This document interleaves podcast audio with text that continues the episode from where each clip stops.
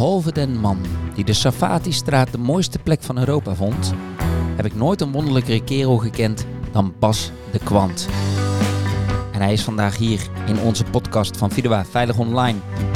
Bas de Kwant die heeft lang geleden bij ons gewerkt in de start-up fase. En eh, hij is eh, redelijk gepassioneerd geraakt door informatiebeveiliging. Nou, we praten bij Vidua Veilig Online natuurlijk over de buitenwereld. De wereld van het uh, online zaken doen. En hoe uh, kun je dat een beetje veilig uh, houden en krijgen. Dat heeft natuurlijk alles te maken met de binnenwereld. En daar is Bas momenteel heel erg mee bezig. Hij heeft een methode om informatiebeveiliging echt in de organisatie te laten leven. En ja, super leuk dat je er bent, Bas. Ja, hartelijk dank. leuk om hier te zijn. Ja, wat altijd opvalt aan jouw cv is, uh, uh, je bent na het gymnasium, wat je toch uh, niet onverdienstelijk hebt afgerond, um, niet gaan studeren.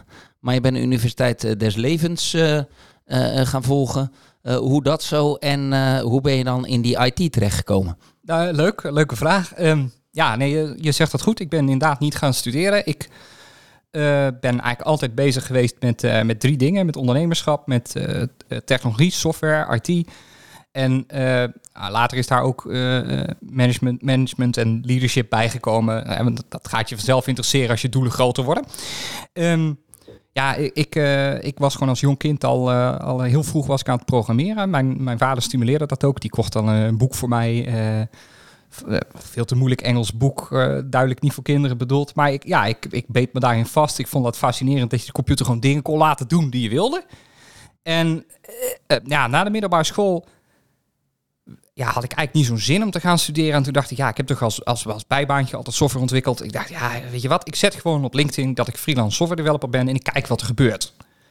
Nou, en er gebeurde een paar maanden niks. Dus ik dacht, verrek, heb ik daar wel de goede keuze gemaakt. Maar um, uh, op een gegeven moment was het september en toen, toen nou, belden de mensen of ik, of ik ze kon helpen.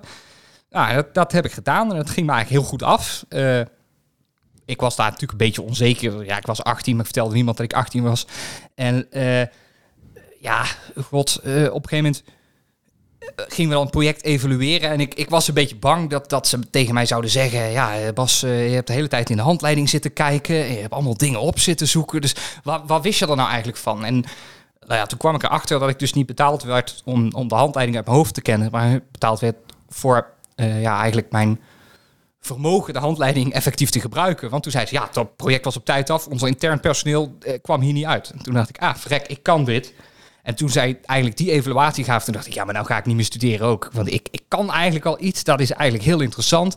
Ik kan dingen maken die ook, ja, die eigenlijk schaalbaar zijn. Want dat is natuurlijk het mooie van uh, software. En als je nou, als je nou terugkijkt, uh, was je toen al voldoende aware op, op allerlei informatiebeveiligingsrisico's?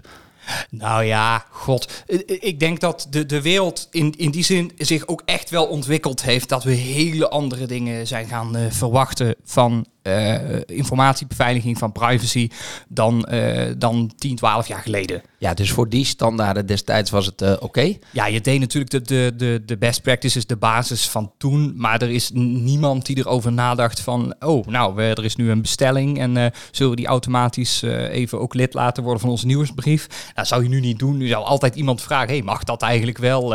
hebben we diens toestemming verzameld en dat soort dingen? Daar was, niemand, daar was niemand mee bezig. Nee hoor, je kreeg gewoon een USB-stick met... hey, kun jij uh, deze lijst met uh, e-mailadressen even in uh, ons nieuwsbriefsysteem importeren? En dat deed je ook gewoon, want ja, waarom het, niet? Het is net, net nog de tijd, of net na de tijd... maar dat het datalek ook door KPN of PTT Post... of weet ik veel wat toen gewoon standaard gedistribueerd werd... in de vorm van een telefoonboek. Ja. Waarbij, waarbij iedereen het, het grote Nederlandse datalek op zijn mat kreeg. Ja, ik, ik, ik, kijk, je deed natuurlijk wel... Uh, uh, je, je, probeerde de dingen wel veilig te doen en je lette wel op de standaard dingetjes. Maar uh, SQL injection, wachtwoorden gehashed opslaan en zo. Maar ik, ik, denk niet dat informatiebeveiliging als vak toen bij kleine, met name bij kleine bedrijven, toen enige rol speelde. Ja, en, en tegenwoordig, hè, dus je zegt we hebben een enorme eh, ontwikkeling doorgemaakt als samenleving op dat gebied. Ja. Eh, dingen zijn natuurlijk ook veel meer naar online nog gegaan. Dus dan wordt, het ook, word je ook kwetsbaarder. Ja, ja, als meer van de wereld digitaal wordt, zal digitaal ook meer een regulatiedomein worden. Want ja, de, de stakes worden hoger daar. Precies. En nu eh, hou je je toch bezig dan. Hè? Zeg je van oké, ik ga een methode de wereld in slingeren die informatiebeveiliging echt in die organisatie moet laten landen. In het DNA van die organisatie. Ja. Eh, terwijl je zegt van ja, maar er is al heel veel veranderd. Waarom is dat dan toch nodig? hoe, hoe kwam je tot, tot dat? Oh, oh ja, ja, ja. Dus, dus, dus, dus we nemen een sprong in de tijd. Eh, dus jouw vraag is waarom eh, eh, als, als de awareness rondom dat informatiebeveiliging best belangrijk is in, in de hele maatschappij toe is genomen, heb je toch nog iets nodig? Want gaat het Ja, blijkbaar waar- niet waarom, vanzelf? hè, jij bent onlangs be- begonnen, een jaar of eh, twee eh, geleden ben jij ze gaan, eh, gaan starten om, om, om echt methodisch hiermee aan de slag te gaan. Ja. Nou, het is een hot topic. Waarom dan die methode? Hoe, hoe, waarom, waarom dacht je dat die nodig was? En, en, en ja, hoe kwam je tot dat idee? En, en wat, wat, wat is dan de, de toegevoegde waarde? Ja, nou ja, ik, ik, ik, ik, eh, ik baseer eigenlijk het feit dat die methode nodig is, baseer ik op, op, eh, ja, gewoon op ervaringen die ik gezien heb in, in eh, omgevingen, in bedrijven, organisaties waar, ehm, waar informatiebeveiliging zeg maar best wel belangrijk was, maar waar, waar ik tegelijkertijd zag van het kost ook wel heel erg veel moeite om dat goed te organiseren en het geeft ook wel heel erg veel frictie. Ik zal een eh, voorbeeld geven. Het is trouwens een voorbeeld van hier. Ehm, Oké. we, zaten, we zaten lang geleden in de start-up fase, dus het zou heel goed kunnen. Ja, eh, nou, kijk, eh, er was een, eh, eh, eh, een groot stuk software wat we, wat we gingen eh releasen naar een productieomgeving. En het stond op maandagochtend stond het in een testomgeving. Dus in een beetje normale DTAP-omgeving moet je dan nog langs een acceptatieomgeving voordat je naar een productieomgeving kunt. En ehm, eh, de bedoeling was wel dat het woensdagochtend zou werken. Eh, nou, was uitvoerig getest. Eh, die software die bleek, het, bleek het wel te doen, bleek eigenlijk geen defecten te hebben. Dus eh, ik eh, was samen met een collega van het operations team. Hadden wij ons voorgenomen, nou, wij gaan deze eh, software in, in, in, in anderhalve dag naar productie toe brengen. Met als tussenstap acceptatie, daar nog alles één keer testen en dan gaan. Ehm, nou, dus, dus wij, wij nemen daar de stappen voor in. We zijn eh, een tijdje bezig met alle eh, configuratieparameters goed te zetten. En ehm, op een gegeven moment zegt mijn collega, die zegt, ja, eh, maar dan die database die in die acceptatieomgeving, die moet wel die zes initiële waarden hebben. Want anders start die applicatie niet op. Ik zeg, ja, dat klopt. Dan moet je even een, een, een, een, command line starten en dan moet je even deze drie queries invoeren. Hij zegt, ja, maar dat kan niet. Hij zegt, bel de CEO, maar dat gaan we niet doen. Want eh, ik zeg, hoezo niet? Hij zegt, nou, op die acceptatieomgeving, op productieomgeving, kan je die command line interface, die bestaat daar niet. Dus je kunt daar helemaal niet die query invoeren. Dus ik zeg, maar dan installeer je dat toch gewoon. Hij zei, ja, maar dat kan niet. want Je moet eerst due diligence doen voordat ik iets op een acceptatie of een productieomgeving mag installeren. Nou, dus, dus hij verwijst naar een policy waar ergens in het in een informatiebeveiligingsbeleid staat. Eh gij zult niet zomaar iets in een acceptatie of productieomgeving installeren voordat je een, degelijke due diligence gedaan hebt. En eh, ik zeg, ja, maar dan gaan we toch gewoon die due diligence nu even doen en dan, dan zijn we zo klaar. Eh, en hij zegt, ja, maar dat kan niet, dat duurt 2,5 week. Ik zeg, hoezo duurt 2,5 week? Ik zeg, moet jij eens goed luisteren. Als deze policy, die, die gaat er natuurlijk over dat je niet willekeurige stukken code eh, die je op straat gevonden hebt hier eh, in een acceptatieproductieomgeving gaat installeren. Maar eh, een PSQL-console is Want dat, dat had je ja, nodig. dat had ik nodig. Dat is zo'n verschrikkelijk veel voorkomend stukje software. Dat is zo, eh, zo'n normaal stuk van de, eh, van de, eh, de, Software development ja, de gereedschappen die je ter Ja. beschikking hebt. Dat, dat, ik zei, ja, kijk, moet je luisteren, als, als dat echt lek is. En zodanig lek is dat dat ook eh, eh, eh, meteen ja, geëxploiteerd kan worden. Dan is ten eerste de vraag die je moet stellen: gaan ze dan als eerste in onze productieomgeving van een systeem wat nog nul klanten heeft, waarvan we eigenlijk woensdag de eerste klant willen laten testen of die doet? Is dat dan de eerste plek waar ze naartoe gaan? Of gaan ze proberen een saldo bij de ING te wijzigen? Dus dat, dat is de eerste vraag. En de tweede vraag is natuurlijk... ehm, als zoveel mensen dit gebruiken... dan zullen er ook anderen zijn die die due diligence ook gedaan hebben. En ook wel geconcludeerd hebben, hey, dit is eigenlijk best wel een deugdelijk stuk software. Dus ri- risicogebaseerd is, is de due diligence die je moet doen voor dit stuk software natuurlijk een ander soort due diligence dan als jij eh, een stukje software op internet hebt gevonden eh, eh, op, op de website um, pietjedevries.nl. Eh, eh, is er- kijk eens wat een handige alternatief ik voor die PSQL console heb. Deze doet het 5% sneller. Ja, ja, ja. Dus, dus ehm, wat ik eigenlijk tegen hem zei was: hey, de betekenis van die policy is niet waar jij denkt dat die is. Hè, de geest betekent iets anders dan de letter. ja. En nou, dus ik zei, wat, wat gaan we doen? We gaan het volgende doen. We zetten een wekkertje, 20 minuutjes. Jij doet de bovenkant van dat formulier. Ik doe de onderkant van, dat formulier. En we komen elkaar in het midden tegen. En dan eh, hebben we ons eh, eh, keurig aan de regels gehouden. Maar we gaan natuurlijk niet een, een productierelease waar een klant een test wil doen woensdag afzeggen om deze reden. Want ik ga dat niet aan de CEO uitleggen. En ik denk dat jij dat ook niet wil. Nou, dus wij gingen dat proberen. En nou, dat ging natuurlijk goed netjes die, die spulletjes geïnstalleerd, die, die software die deed het. En nou ja, dan krijg je daarna natuurlijk de vraag, zeg Bas, waarom lukt het jou nou altijd om binnen de eh, kaders van die, van, die, van die compliance, binnen die informatiebeveiligingspolicy regels, om daar heel effectief doorheen te zwemmen eh, en soms een helemaal geen rechte weg af te leggen. Ehm, eh, en dan altijd de dingen voor elkaar te krijgen die je voor elkaar wil krijgen. En als ik zoiets probeer, dus als ik zeg maar probeer eh, om Af te snijden. ja, af te snijden, ja, of Nee, jij Ja. sneed niet af, maar, maar hij probeerde als, eh, voor zijn gevoel als ik iets doe wat dan uit de pas loopt, laat ik het zo noemen. ja, nou, ze- ze- in ieder geval was zijn, zijn, zijn, zijn idee was dit moet twee weken duren. Ja, Dus het zal zeker niet in, in twee uur kunnen. Precies. Maar en, eh, en, als hij de pas af wilde snijden, Dat ging altijd mis. dat ging altijd mis. Ja, want dan krijg je op een gegeven moment een boze security officer aan je, Ja. aan je deur. Ja. Hij zegt, waarom krijg jij nou nooit een boze security officer aan je deur? En nou, ik wist toen het antwoord niet. Ehm, en Maar heel veel eh, eh, organisaties die je van binnen en buiten hebt gezien en, en, en, en je, je relevante ervaring die je hebt opgebouwd, weet je het antwoord nu wel. ja, ik denk dat het in, in, in- grote mate komt die koppeling van die regels aan risicoanalyse en een gevoel hebben bij van welke risico, wat voor risico spreken we hier nu over. Dat kunnen sommige mensen kunnen dat uit hun hoofd op basis van eh, zeg maar de impliciete verbinding die er tussen zo'n risico en zo'n beleidsstuk, beleidsregel is. Alleen het is ja, gewoon niet redelijk om dat van alle professionals in je hele organisatie te verwachten. Ehm, dus ehm, je zult het die mensen echt makkelijker moeten maken als je wil dat ze diezelfde flexibiliteit ervaren.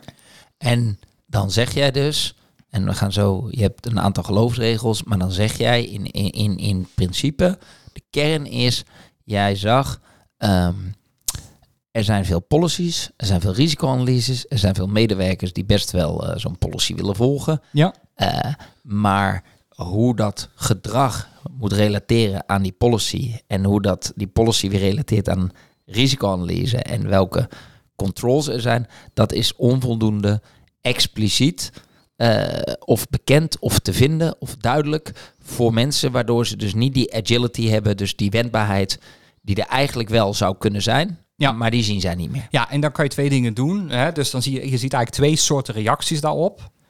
Eh, de ene reactie is dat dan de information security slash compliance een- heel effectief schild wordt waarachter je kunt verschuilen. Ja, het kan niet vanwege de compliance. Ja, het kan niet vanwege de privacy. Het kan niet vanwege de security. Het kan niet vanwege de de bekende gelegenheidsargumenten ook om gewoon lekker te blijven doen wat je altijd al deed en niet te wijzigen, niet Ja, te en, dan, innoveren. en dat hoeft ook allemaal niet zo snel. Nee, precies. Eh, dat zie je natuurlijk bij grote organisaties. eh eh, eh, jij hebt het wel eens de geperverteerde bureaucratie genoemd.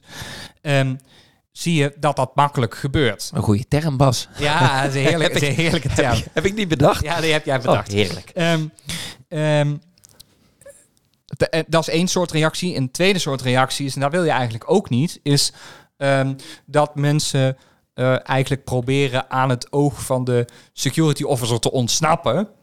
En eh, in de schaduw dingen gaan doen. Dan gaan ze improviseren. En dat improviseren, dat gaat natuurlijk alleen maar goed zolang je een hele kleine groep hele conscientieuze professionals hebt. Maar zodra jij eh 40, 50 mensen in dienst hebt, gaat natuurlijk altijd iemand de verkeerde kant op improviseren. Eh, en dan heb je ook de pop aan dansen. Plus, ook al ben je die professionals, als je pech hebt en dan kan het altijd wat gebeuren. Want je hebt ook gewoon risico's die gewoon kunnen manifesteren terwijl je er niks aan kon doen. Klopt. En dan ben je, als je in de schaduw hebt zitten werken, altijd het bokje. Want dan gaan mensen komen ze in één keer met een eh, bouwlamp aan. Ja, dan wordt het een zootje. Ja, dan wordt goed. het een zootje. Jouw geloofsregels, want dat heeft geleid, hè? Jouw methode. Jij zegt, ik maak die methode. Ehm, en jouw eh, claim daarbij is volgens mij, eh, je kan dus die agility krijgen. Dus je kan wel agile zijn. Dus Ja. je kan wel eh, eh, effectief software, efficiënt software en compliant. Ja, wat ik eigenlijk zeg is, ehm dus mijn drie geloofsregels, innovatie en security, dat zijn echt geen eh, natuurlijke vijanden. Sterker nog, de goede security en de goede governance helpt innovatie. Nou, en tweede, tweede geloofsregel, daar, daar nauw aan verbonden is, er is een, er is een manier om je security mensen, je, je security officer, je CISO, je klanten, je personeel, je aandeelhouders, je toezichthouder blij te maken. Het is één soort gedrag, wat allemaal dezelfde kant op wijst. Oké, dus, dus eenduidigheid in je werken. Iedereen krijgt een, vanuit zijn view eh, hetzelfde eigenlijk voorgeschoteld en ze zijn allemaal blij. Dat is Ja. wat jij zegt. Ja, en, wat je, en, en, en de grap is, je auditor is dan ook nog blij. Ja. En wat je heel vaak ziet in deze... eh, in die wereld van informatiebeveiliging en audits is dat we allerlei dingen doen om de auditor blij te maken vlak voordat de auditor komt. En daarna gewoon maar weer een dotje gaan doen. En dan komt die auditor weer. En dan even met samengeknepen billen kijken of we hem weer eh, eh, zand in de ogen kunnen strooien.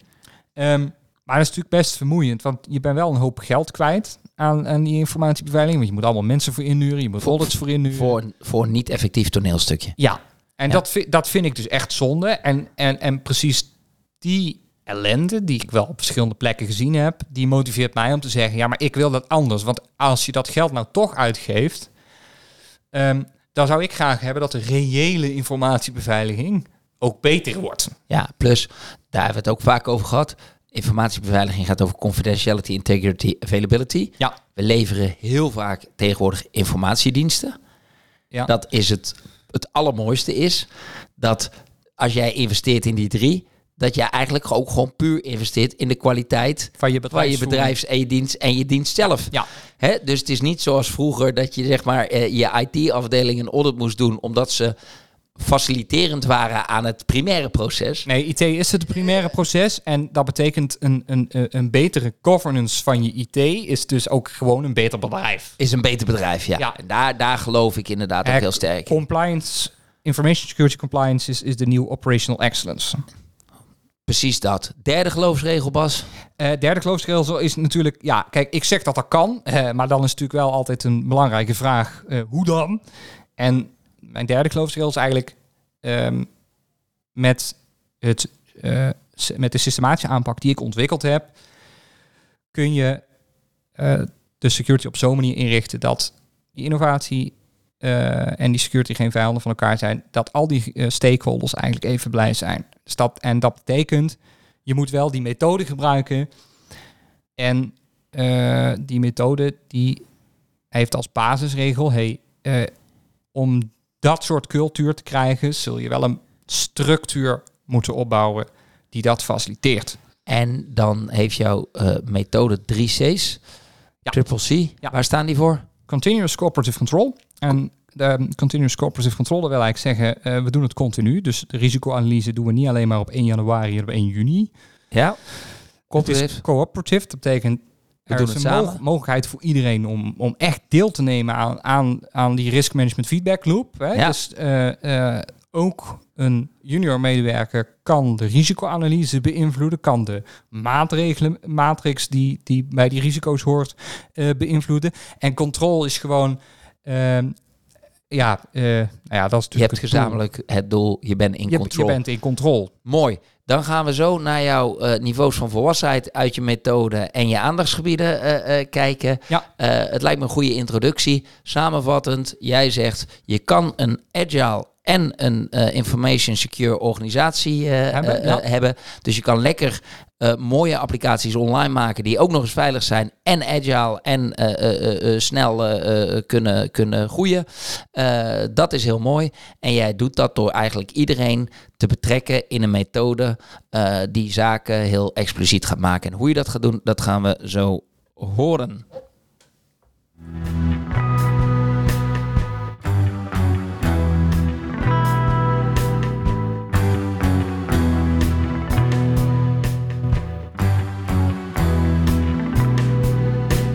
Goed, Bas. Jouw methode gaat dus uit eh, vanuit eh, vijf eh, volwassenheidsniveaus. Vier, vier. Vier. Oh, die onderscheidt vier volwassenheidsniveaus. Nou, ik zou zeggen, waarom en brand maar los vooral.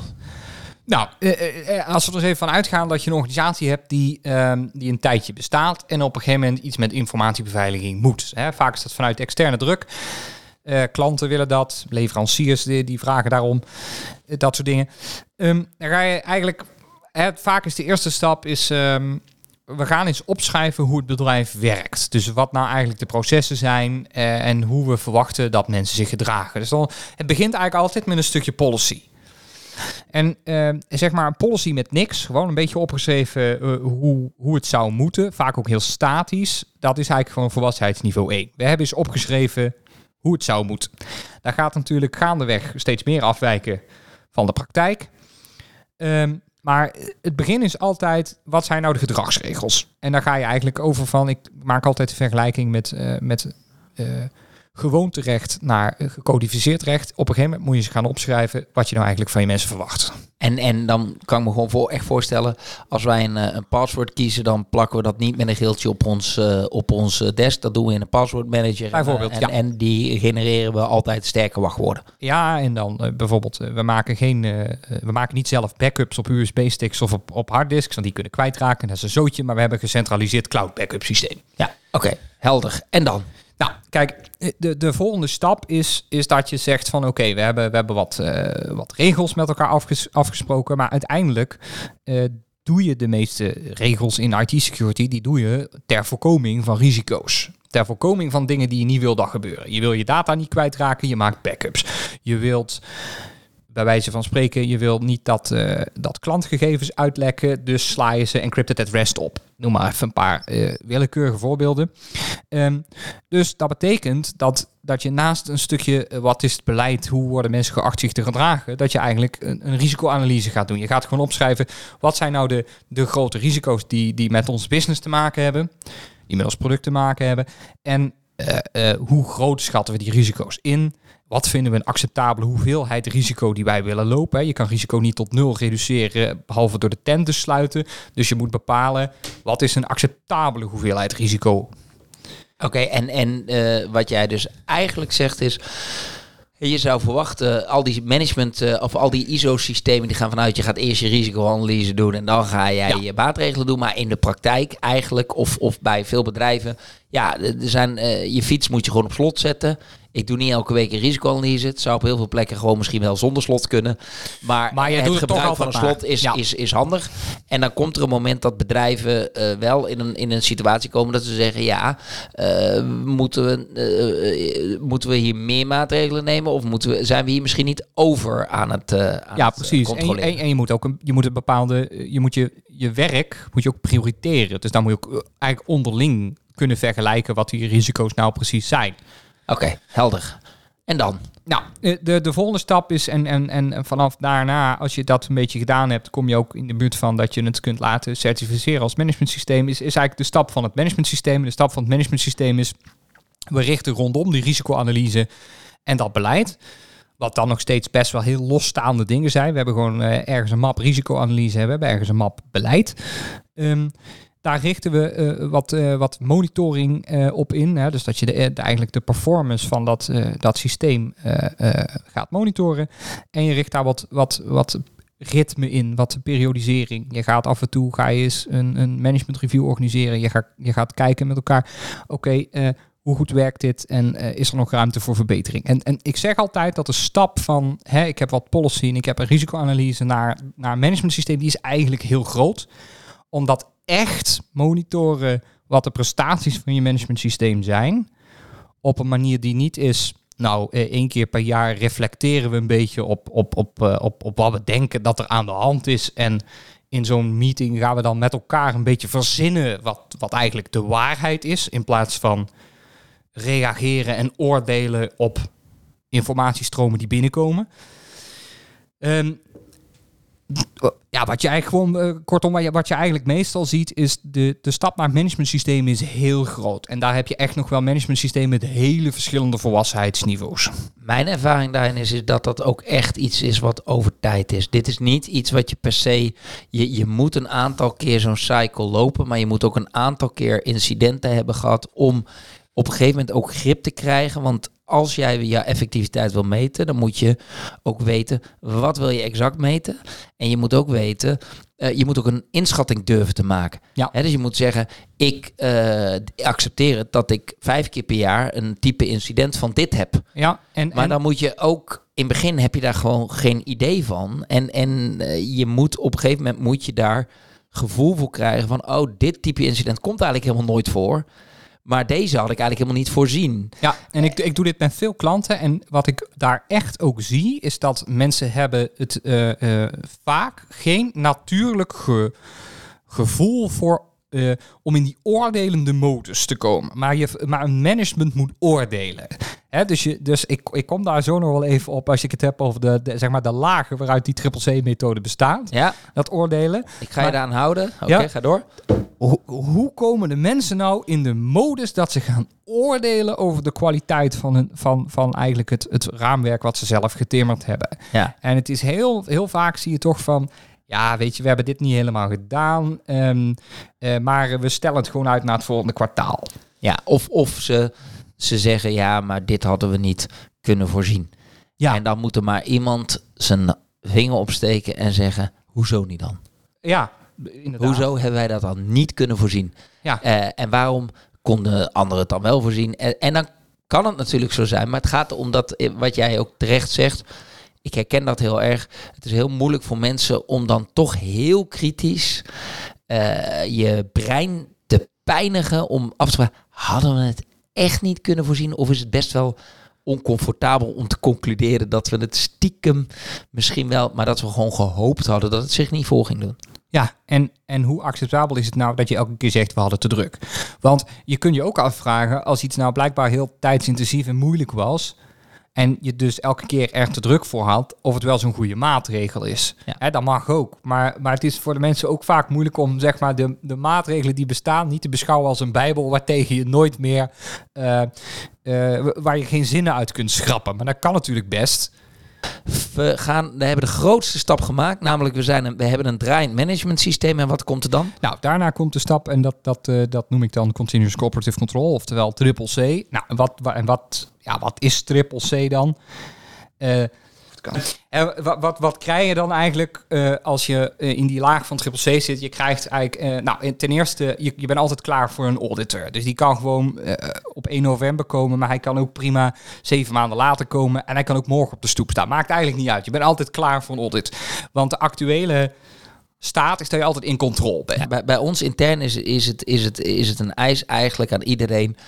Als vandaag de auditor komt, je wist niet dat hij was, hij belde aan hij kan de normen erbij pakken waar wij van zeggen dat we aan voldoen. En wij, wij uh, komen gewoon uh, goed die orde door. Ja. Het is een soort, een soort, bij ons een soort requirement geworden. Dus jij zegt continuous control. Dus dat betekent continu audit is ook mogelijk. twee richtingsverkeer. En, uh, dat het zeg maar niet alleen is, uh, het systeem legt de mensen dingen op. Nee, nee maar mensen dus ook kunnen ook er terug. Er is ook een effectieve feedback loop. Er is een effectieve feedback loop. Dus dat betekent uh, echt ownership georganiseerd. En dat ownership betekent niet alleen maar we hebben wat vervelende maatregelen en jij hebt huiswerk, dus ga dat maar regelen. Maar dat betekent ook die maatregelen die stellen jou als owner in staat om iets te doen. Um, owner oordeel over of ze effectief zijn, oordeel of ze efficiënt zijn. Ik spreek je aan op het moment dat jij gezegd hebt dat ze effectief en efficiënt zijn. En ik krijg toch ellende op dat, dat gebied. Want hè, ik, ik, verwacht dat je dat oordeel ook wel serieus maakt. Maar tegelijkertijd geeft het je ook uh, de power om te zeggen: ja, maar Bas, wat je me nou hebt gegeven aan maatregelen, daar kan ik helemaal niet deze risicoreductie mee organiseren. Dus ofwel we moeten als, als uh, organisatie accepteren dat er risico veel hoger ligt. Uh, en soms kan dat en soms kan dat niet. Of we moeten een andere maatregel, uh, andere, maatregelen En dat betekent eigenlijk nemen. altijd andere keuzes maken. Andere, andere keuzes, prioriteiten andere, Ja, ja, precies. Oké, okay, helder. Uh, want het gaat eigenlijk, het is een hele uh, confrontatieve methode. Waarbij je echt wel. Het kan, hè, ik, zie ook, ik zie dit ook als ik dit toepas. En ik heb wel organisaties die wel zover zijn inmiddels. Um, dan zie ik ook echt wel dat het kan clashen in, in een boardroom. Omdat gewoon uh, het, het spannend wordt. Dat je zegt, ja, maar wil je nou accepteer je nou dit risico? Of ga je nou accepteren dat we, uh, dat we moeten investeren in zo'n maatregel? Want kan, je kan niet allebei niet doen. Ja, ja, precies, precies. En daar gaat het ook vooral om. Ik en dat komt allebei... toch weer terug bij dat expliciet maken, ja, toch? Ja, expliciet is heel belangrijk. Maar het gaat mij steeds om... Doe, maak je keuzes eigenlijk in transparantie. Want het is prima als je zegt, we gaan hier meer risico lopen. Uh, en, en als je dat transparant doet, kun je dat risico als management gewoon prima accepteren. Alleen niet in het donker. Ja, ik heb wel pushback gehad. Ja. Dat ik zei, nou, maar dit risico accepteerde ik. En dat zeg je, ja, maar jij hebt makkelijk praten. Want op het moment, dat zeg jij nu, tot het moment dat het er is. En dan is het toch alle hens aan dek. En dan wilden wij net uh, op vakantie of whatever. En dan moeten we allemaal terugkomen. Snap je dat, snap je dat gevaar? Uh, ja, in een organisatie? Tuurlijk, maar, maar dan moet je, dat, je moet ook dus ja, uh, ook dat, dat accepteren van zoiets. Hoe dat eruit ziet, moet ja. dus ook expliciet. Nee, maar dat zijn we gaan doen. Moet je dus ook we, hebben, we zijn dus uh, met elkaar dan vast gaan stellen hoe, hoe uh, het, het oké, okay, als dat risico dan zich voordoet, hoe ziet dat, hè, dus zich manifesteert, hoe ziet dat er dan uit? Zijn wij ook expliciet gemaakt? Wees eerlijk over je trade-offs. Ja, ja. En dan kan, hè, kan je, je kan best zeggen, weet je, moet je eens luisteren, wij, uh, wij zijn een start-up, we, zijn maar, we, hebben, we hebben twee, drie mensen die een incident van dit soort types op kunnen lossen.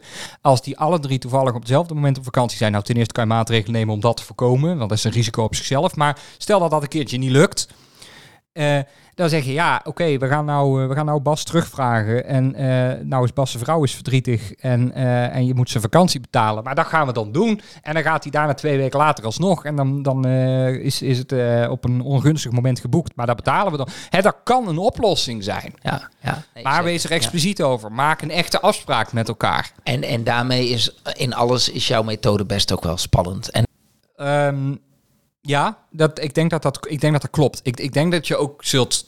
Nee, maar ik, maar, ik zeg, maar ik zeg op dezelfde manier zeg ik ook altijd: ik vind het heel belangrijk om bijvoorbeeld heel eerlijk te zijn tegen je auditor. Daar hebben we die volwassenheidsniveaus. Nou zijn we continuous uh, corporate in, in ja, control. En laatste ding wat ja. ik daar misschien nog even over kwijt wil, is je hebt ook een hoge mate van rendement als je continuous cooperative control hebt. Dus dat betekent, uh, je hebt natuurlijk een bepaald budget voor je information security, maar je krijgt daar ook gewoon een hoog rendement op. Je organisatie wordt er daadwerkelijk beter van. En uh, en ook veiliger. Dus je bent niet zeg maar uh, 100.000 euro per jaar aan het uitgeven om je diploma uh, aan de muur te hangen. Je hebt bereikt wat jij zei, het zijn geen vijanden, maar versterkers. Je bent een sterke ja. informatielevende ja, ja, organisatie precies. geworden. Dus het is real-time. Je hebt experts, dus gewoon mensen op de werkvloer die mee kunnen doen. Hè, dus twee richtingsverkeer. Je hebt een gevoel van grip. Als je een keer valt, val je op een zachte mat. je kan als MT lekker slapen. Mooi.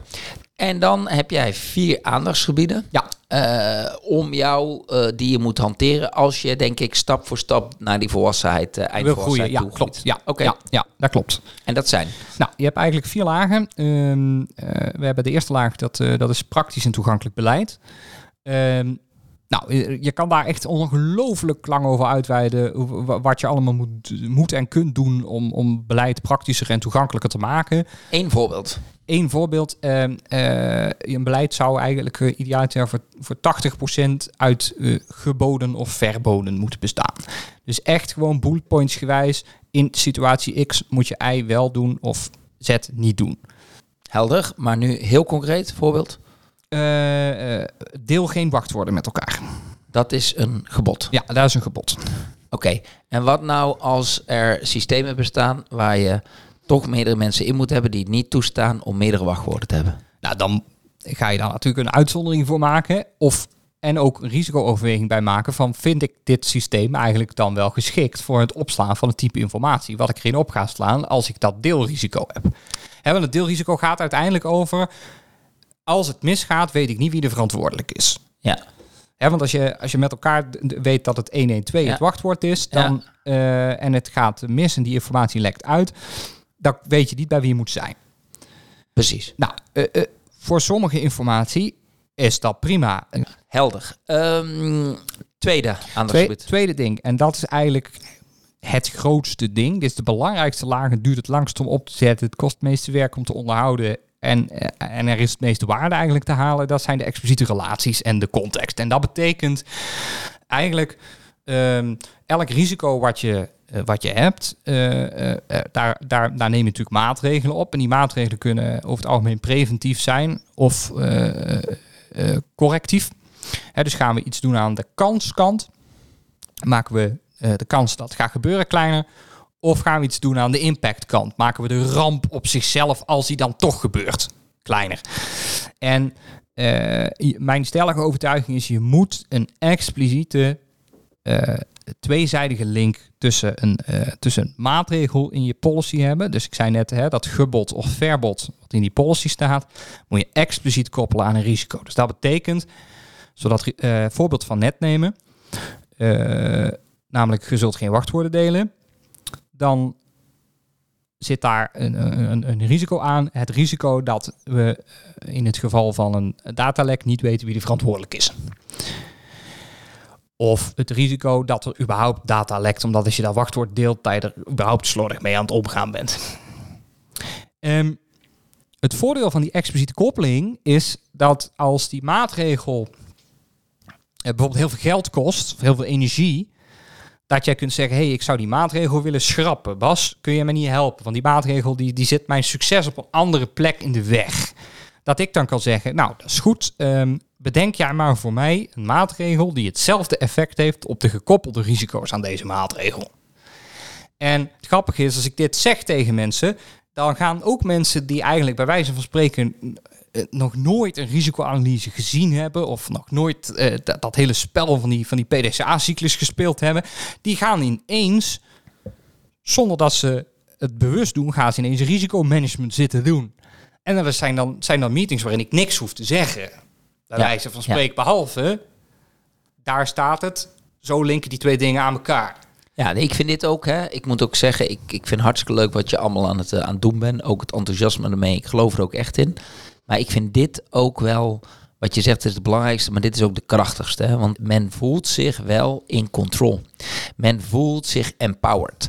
En dat maakt het waardoor mensen er meer energie van krijgen om dit spel te spelen, dan dat het ze energie kost. Ja, ja, ja, want je bent niet bezig met iets wat een soort spook is. Precies, je bent niet in een soort frustratie. Ik wil naar links, jij wil naar rechts en we moeten met elkaar eh, armpje drukken. En dat is een hele zware negatieve business. En uiteindelijk is iedereen ontevreden, want als het links wordt, is rechts, is, is rechts ontevreden en andersom. Ja, dus je, je maakt een eind aan de eeuwige strijd. Kijk, het is altijd een soort armpje drukken. De security officer wil, wil altijd meer maatregelen. En, en zeg maar, alle andere stakeholders willen altijd minder maatregelen, want dan gaan ze sneller. Denken ze. Denken ze. Ehm, eh, en en die, die, die, die daggevecht, dat kan ook anders.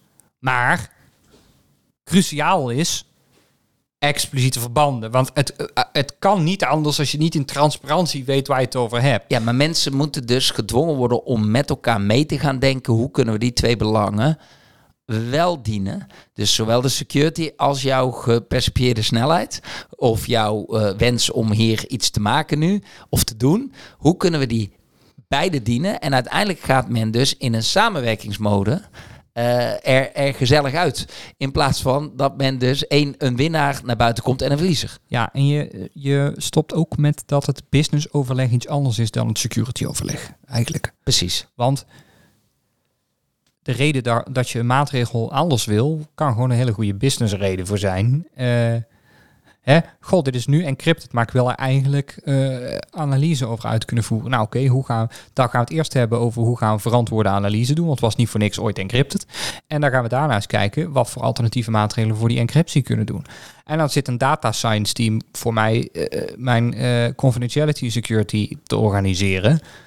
Want daar kunnen ze best. Mensen kunnen echt veel meer op het gebied van risicomanagement dan je denkt. Alleen je moet wel even eh, dat spel zichtbaar maken. Want eh, dat hele spel overzien, dat is gewoon te veel gevraagd. Sterker nog, ik denk dat het ook vaak te veel gevraagd is voor mensen die security officer zijn. Zeker. Kijk, en de grap is, ik, dit, ik denk dat het niet anders kan. Eh, ook met hè, jouw methode, die moet leiden tot die first line of, of defense, zijn gewoon de mensen zelf die iets willen en dat ook de veiligheidsrequirements daarbij betrekken. Hm. Dat moeten ze zelf doen. Dan heb je een tweede laag, dat management, die kijkt eh, eh, eh, of ze dat af en toe doen en effectief doen en of ze dat eh, in, in slagen. En de derde line of defense is dan je internal audit. Ja. Hè, dat zijn voor mij de three lines of defense. Hey, dan hebben we dus die expliciet de belangrijkste laag ook lang bij stilgestaan. Ja. Die, die is geregeld. En wat, wat blijft er dan nog over? Nou, wat blijft er dan nog over? Dat is eigenlijk de derde laag. En dat is een, een soort van effectlaag voor die eerste twee lagen. Hè? Dus eh, die noemen wij true ownership. En true ownership, dat betekent... Kijk, risico's moeten altijd een owner hebben. Sowieso moeten belangrijke dingen moeten altijd een owner hebben. Dat vinden auditors eh, fijn. En nou, auditors zijn helemaal niet gek. Dus ze hebben gelijk. Het is handig als een risico een owner heeft. Het is ook handig als een beleidstuk een owner heeft. Ehm, maar wat je natuurlijk eigenlijk wil, is... ehm, Oké, Remco, jij bent de eigenaar van het risico eh, eh, dat we bij een datalek niet weten wie daar verantwoordelijk is, waar het mis is gegaan. Oké, nou een van de maatregelen die we daarop nemen is dat we geen wachtwoorden met elkaar delen.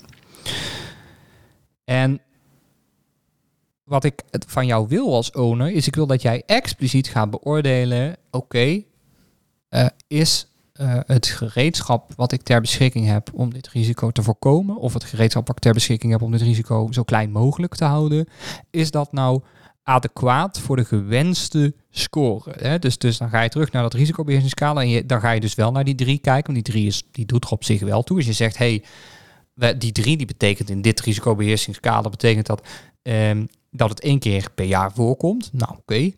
Ehm, gaan die maatregelen, gaat de som van die maatregelen er echt voor zorgen dat het maar één keer per jaar voorkomt? Of denk jij, ja, weet je, eh, ten eerste komt het vier keer per jaar voor. Nou, dan, dan weet je al van, eh, dit gaat niet goed. Eh, een andere mogelijkheid is, het komt daadwerkelijk minder dan één keer per jaar voor. Maar jij hebt het gevoel dat dat meer geluk dan wijsheid is. Ik bedoel, als je bedrijf nog kort bestaat, dan, dan kun je nog lang op de geluksfactor beroepen. Maar ik verwacht daar een serieus oordeel. En ik verwacht ook een serieus oordeel aan die impactkant. Ehm nou, dat is. eh, eh, eh, en, ik, en ik verwacht ook nog van een owner dat hij zich uitspreekt over de efficiëntie. Namelijk, hey, deze maatregelen kosten energie, die kosten tijd, die kosten misschien ook geld. Hoe, hoe verhouden die zich tot de impact van het risico als het gebeurt? Als een risico 1000 euro kost als het gebeurt en je 10.000 euro per jaar uitgeeft om het te voorkomen. Ehm, nou, dat is niet altijd in balans. Dus daar verwacht ik eigenlijk ook dat je als owner iets over zegt.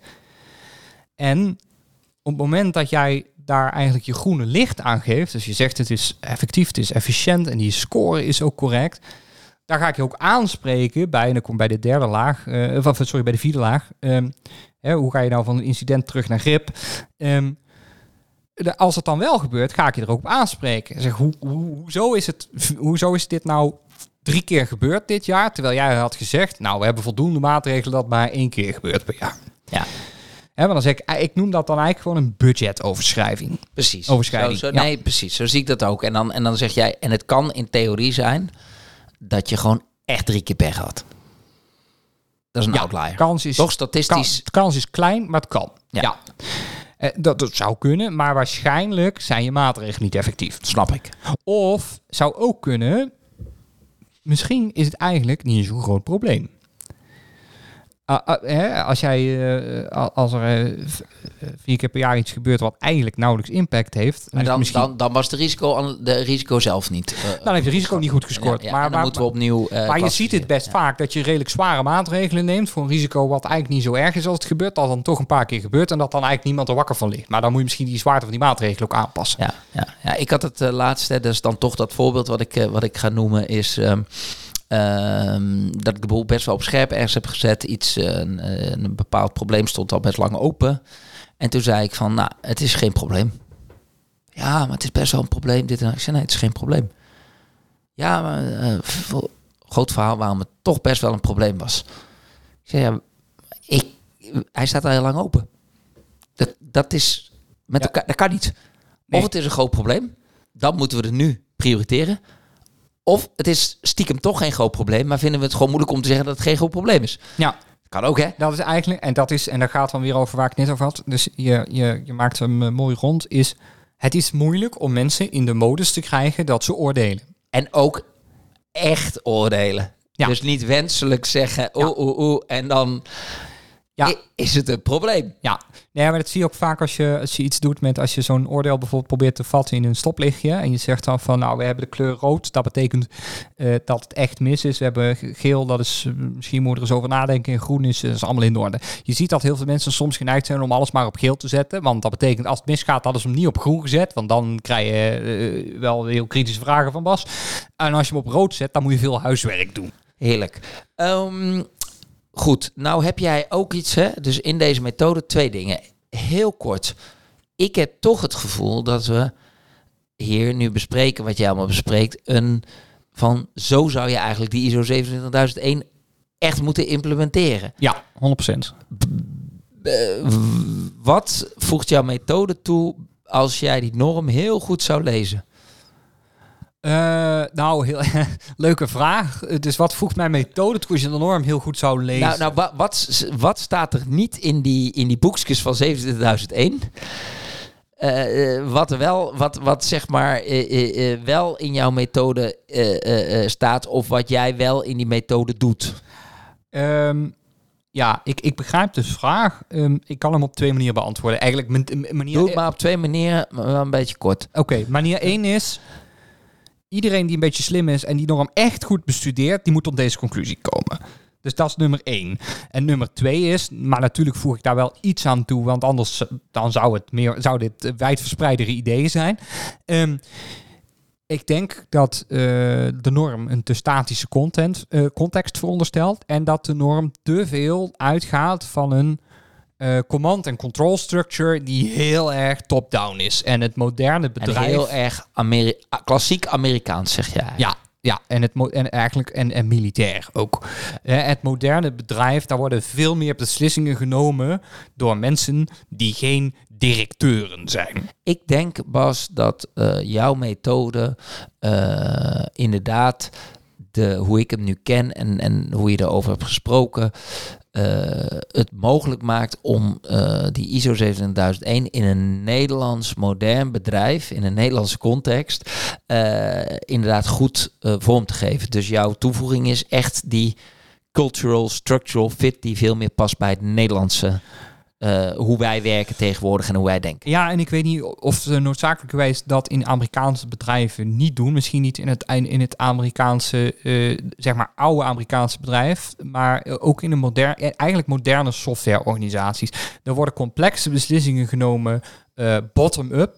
En dat betekent dat je ook de, de, de, de PDCA-cyclus, de Risk Management Feedback Loop, moet brengen naar waar die beslissingen genomen worden. Ja, en dat moet, kan eigenlijk niet anders. precies. En je moet dus ook de kennis en de, de know-how en de tools om die beslissing goed te nemen naar onderbrengen. Ja, en dan moet je het dus makkelijker maken. Precies. En ook, en ook kleiner, hè? want ik wil dus niet met heel veel mensen, ik wil niet een management review doen met 40 man, dat is onzin. Ik wil gewoon alleen wel die risk management feedback loop heel wat keren per jaar op kleine onderwerpen met relevante mensen. Ja, heel, heel helder. Heel heldere toevoeging ook. Dan tot slot, eh, jij bent bezig eh, met ons ook eh, om te kijken naar, ehm, als je die volwassenheidsniveaus in een organisatie wil brengen, dan durf ik te zeggen dat wij als Vidua eh, die stadia doorlopen hebben, maar dat we daar best wel nu een, een, een eind eh, zijn. Hè? Eh, ik zal niet zeggen dat alles perfect draait. Eh, het is altijd blijft een uitdaging. Die wereld blijft ook dynamisch. Maar ik ben best heel trots op het team wat nu first line of defense, second line, die risicoanalyse doet, et cetera. En dat komt redelijk in de buurt bij uh, ja, punten mijn die jij droom. aanhaalt. Bij jouw droom. Ja, precies. Ja, nou, ik zeg, eh, dus nogmaals, ik zal daar echt niet, uh, het is heel link om jezelf op dit soort vlakken te veel op de borst te kloppen, want morgen zit je misschien weer in een incident dat je denkt, hoe heeft dit kunnen gebeuren? Maar ik heb het wel zo gezien. En mijn visie, en misschien sluit het ook wel aan bij hoe jij daarover denkt, is dat komt omdat wij hem vanaf dag één moesten wij hiermee bezig zijn. En daarom is het eigenlijk gegroeid met de organisatie. Kijk, bij ons is het zo core business dat wij eigenlijk die volwassenheidsniveaus ook stap voor stap vanaf dag één zijn wij uh, daarmee aan de, uh, uh, zijn we aan de slag gegaan met dit als een topic te maken. En jij hebt nu ook die bootstrap security voor startups, ja. waarbij jij eigenlijk volgens mij ook uh, zegt tegen dat soort start-up clubs, waar ik dus wel achter sta, van joh, als je nou een start-up begint, uh, uh, begin het meteen als een aandachtsgebied te zien. Begin meteen uh, iets te doen op dit vlak, zodat je het eigenlijk laagje voor laagje ook op kan bouwen. Ja, ja en dat je ook vanaf het begin, zeg maar, het bewustzijn uh, daarover wel al hebt. Hè? Dat je niet denkt van, goh, nu zijn we met 40 mensen, nu moeten we ineens iets over security gaan doen. Precies, want het is dan natuurlijk, als je een heel mooi muziekstuk hebt, is het achteraf heel lastig om een of andere baspartij erin te vlechten die nog een beetje uh, resoneert. Uh, ja. Toch? Ja, en, ja, ja. En, en als jij vanaf het begin af aan dat muziekpartij zegt, ja, we willen ook iets met een, met een baspartij daaronder, dan is dat makkelijk om dat, om dat vanaf het begin af aan een beetje dat, dat muziekstuk te gaan componeren. Ja, de, en los, en, ja, en ja, waarbij je ook nog gewoon zegt, hey, gestructureerde werken vanuit een, uh, vanuit een proces, vanuit een systematische aanpak, maakt het gewoon ook makkelijker om een bedrijf te beginnen. En zeker. Of, te, of, of zeg maar groter te maken. Dat is iets wat heel ondernemers heel vaak niet zo voelen. Maar ik, ik geloof daar wel in. Wat houdt dan zo'n bootstrap security in? Wat zou je dan moeten doen, zeg maar? En, en wat kun je met jou dan doen als jij daarvoor ja, opgebeld wordt? Ja, dus, dus, uh, dus wat je eigenlijk gaat doen is... Ik ga daar even van uit dat, dat de doelgroep waarvoor dat bedoeld is... die is een eindje af van, uh, van het volwassenheidsniveau. Nou gaan we een management systeem inrichten. Dus die is een eindje af van ik ga uh, audits organiseren en een certificering halen. Ja, maar, daar heeft jouw hele methode heeft dan zin. Maar, maar bij, bij in ja. dit geval kom jij bij een clubje, dus net gestart, had een supergoed idee, ja. willen iets met uh, arbeids- en AI. Uh, mensen kunnen dan met een AI solliciteren, weet ik veel wat. Zoiets. Hartstikke, Platformpje, heel leuk idee. Hartstikke leuk, maar je denkt, hè, verrek, mensen zitten toch wel erg veel privacygevoelige informatie in te voeren. Hoe ga ik daar nou mee om?